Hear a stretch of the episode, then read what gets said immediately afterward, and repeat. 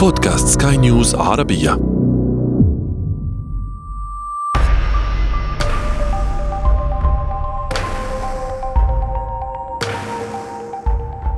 في عام 2013 تلقى عالم الفيزياء الأمريكي تيموثي كيث رسالة لتلقي طرد مجهول.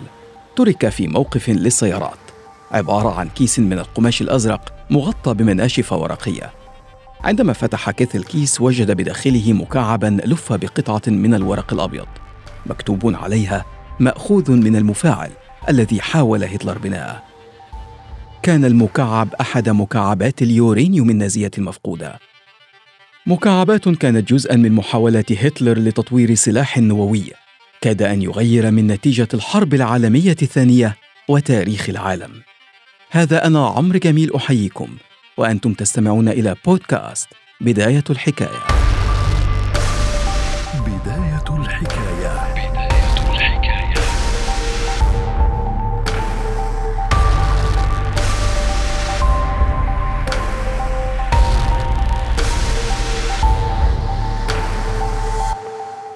في خضم الحرب العالمية الثانية كان تطوير الأسلحة يمثل أولوية لأطراف الصراع. كان الألمان لديهم قوى هائلة بالفعل. شجعت هتلر على إشعال فتيل حرب كان يدرك تماما أنها ستكون هائلة. واستند في ذلك إلى عقول العلماء الألمان الفذة وآلة التصنيع الألمانية الجبارة. ولم يخيب العلماء الألمان ظن هتلر على الأقل في بداية الحرب. فبخلاف الأسلحة الموجودة قرروا العمل على سلاح مدمر قادر على إبادة دول بأكملها هو السلاح النووي وفي أبريل من عام 1939 دشن العلماء الألمان أولى خطوات برنامجهم بعد شهور قليلة من نجاحهم في اكتشاف عملية الانشطار النووي. وكان ذلك قبل أن تبدأ الولايات المتحدة برنامجها النووي بعامين كاملين. كانوا كفيلين لو نجح الألمان في جهودهم في تغيير نتيجة الحرب وتاريخ العالم بأسره. لكن في مقابل العقول الألمانية الفذة عانى النظام الأكاديمي الألماني أيضا من تسييس وتصنيف للعلماء على أساس انتماءاتهم الحزبية وأفكارهم السياسية. وتسبب ذلك في هروب العديد من العلماء إلى دول أخرى من بينها الولايات المتحدة. وكان على رأس هؤلاء العبقري ألبرت أينشتاين.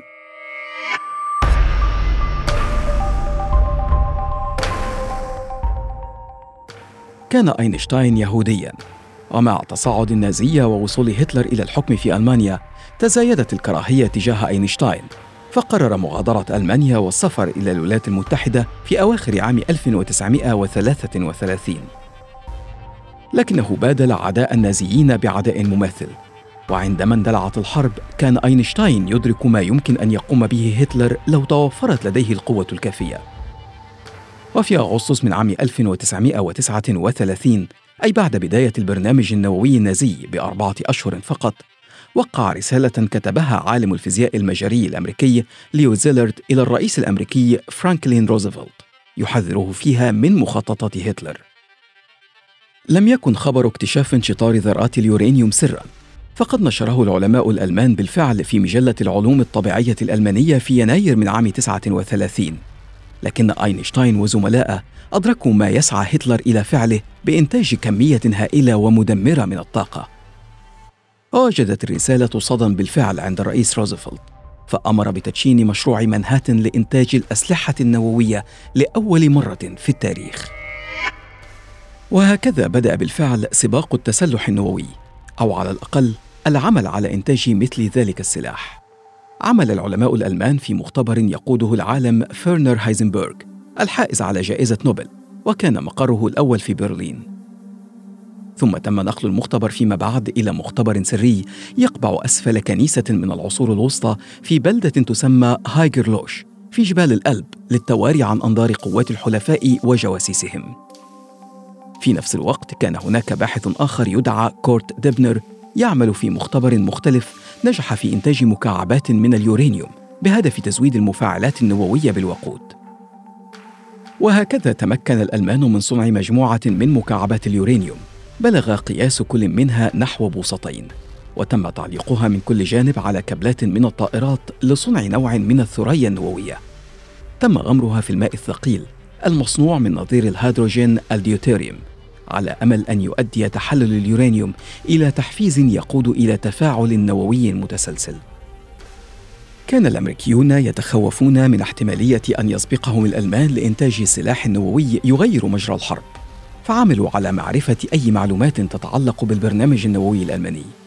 وكان التحدي الكبير هو كيف يمكنهم دخول ألمانيا واختراق حاجز السرية الرهيب الذي يحيط بالمشروع. لكن الحل جاء حينما نجحت قوات الحلفاء في غزو إيطاليا في سبتمبر من عام 1943 حينها تم إنشاء ما عرف بمهمة ألسوس. شملت المهمة إرسال أفراد من أوروبا على مقربة من الخطوط الأمامية وأحيانا وراء خطوط العدو في إيطاليا ثم فرنسا وصولا إلى ألمانيا لجمع معلومات عن العلماء العاملين في المشروع الألماني. وتمكنت مهمة ألسوس بالفعل من الوصول إلى معلومات مهمة. لا تتعلق بالعلماء الألمان فقط وإنما أيضا سجلات تحوي طريقة عملهم والمعدات التي يستخدمونها.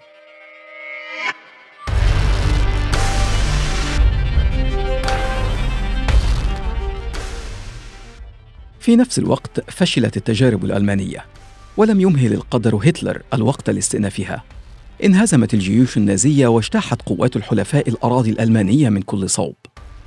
توصل الحلفاء بالفعل إلى مختبر هايزنبرغ واعتقل العلماء الألمان الذين أرشدوا عن موقع سري تم تخبئة مكعبات اليورانيوم فيه مع شعورهم باقتراب استسلام الجيوش النازية. عثر الحلفاء على أكثر من 650 مكعبا من مكعبات اليورانيوم. تم شحنها فيما بعد إلى الولايات المتحدة. لكن هايزنبرغ نفسه تمكن من الهرب وبحوزته مكعبات أخرى. كما أن مكعبات أخرى كانت موجودة في مختبر ديبنر لم يعثر لها على أي أثر. وفي عام 2013 تلقى عالم الفيزياء الأمريكي تيموثي كيث والمهتم بجمع التذكارات النووية رسالة من مجهول يخبره فيها أنه بصدد إرسال هدية له. تم ترك الهدية في مرآب للسيارات. وحينما وجد كيث الكيس وفتحه أدرك على الفور ما هو بحوزته كانت الورقة تشير إلى أن المكعب ينتمي إلى المفاعل النووي الذي حاول هتلر بناءه خلال الحرب العالمية الثانية لكن أسئلة أخرى بقيت بلا إجابة لدى كيث هل حقا ينتمي المكعب إلى الحقبة النازية؟ من أرسل إليه هدية كتلك؟ وأين ذهبت بقية المكعبات التي يتجاوز عددها 600 مكعب؟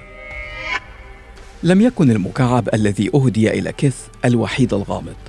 في مختبر شمال غرب المحيط الهادئ الوطني الأمريكي المعروف اختصارا باسم PNLL يوجد مكعب آخر لا يعرف كيف وصل إلى هناك. لكن فريقا من العلماء يعكفون على دراسته في محاولة للتعرف على تفاصيل أكثر تتعلق به. أسئلة كثيرة يعمل عليها العلماء. هل حقا ينتمي المكعب للمفاعل النووي الذي حاول هتلر بناءه لماذا فشل المشروع النووي الألماني؟ هل كان ذلك بسبب قلة الوقت والموارد خلال الحرب كما تقول إحدى النظريات؟ أم أن السبب كان متعمدا من جانب جهات داخل ألمانيا كانت تدرك خطورة امتلاك هتلر لقنبلة نووية؟ وهذه ليست الأسئلة الوحيدة التي تبقى بلا إجابة. أسئلة أخرى عديدة مثل كم العدد الفعلي لمكعبات اليورانيوم التي أنتجها النازيون؟ وأين ذهبت بقية تلك المكعبات؟ في السادس من أغسطس من عام 1945 أطلقت الولايات المتحدة الولد الصغير على مدينة هيروشيما اليابانية. وبعدها بثلاثة أيام أطلقت الرجل البدين على ناجازاكي مسميات لطيفة لأول قنبلتين ذريتين في التاريخ. تقول التقديرات إن مئة ألف شخص على الأقل لاقوا مصرعهم فور إلقاء القنبلتين. ثم مات مثلهم بنهاية عام 45 متأثرين بالإصابات والإشعاعات. ثم مات آلاف آخرون بأمراض السرطانات. وكانت الغالبية العظمى من كل هؤلاء من المدنيين. خلال سنوات الحرب بذل الحلفاء كل ما بوسعهم لمنع هتلر من امتلاك سلاح نووي تخوفا مما قد يشهده العالم لو قرر هتلر استخدامه. وبنهاية الحرب امتلكت الولايات المتحدة قنبلة ذرية واستخدمتها بالفعل. ربما لا توجد إجابات محددة على أسئلة تتعلق بمكعبات يورانيوم النازيين المفقودة وربما يتوصل العلماء والباحثون مستقبلا لإجابات عن تلك الأسئلة. لكن السؤال الذي سيبقى بلا إجابة هل كان العالم سيختلف لو امتلك هتلر قنبلة ذرية قبل أن تمتلكها الولايات المتحدة؟ بداية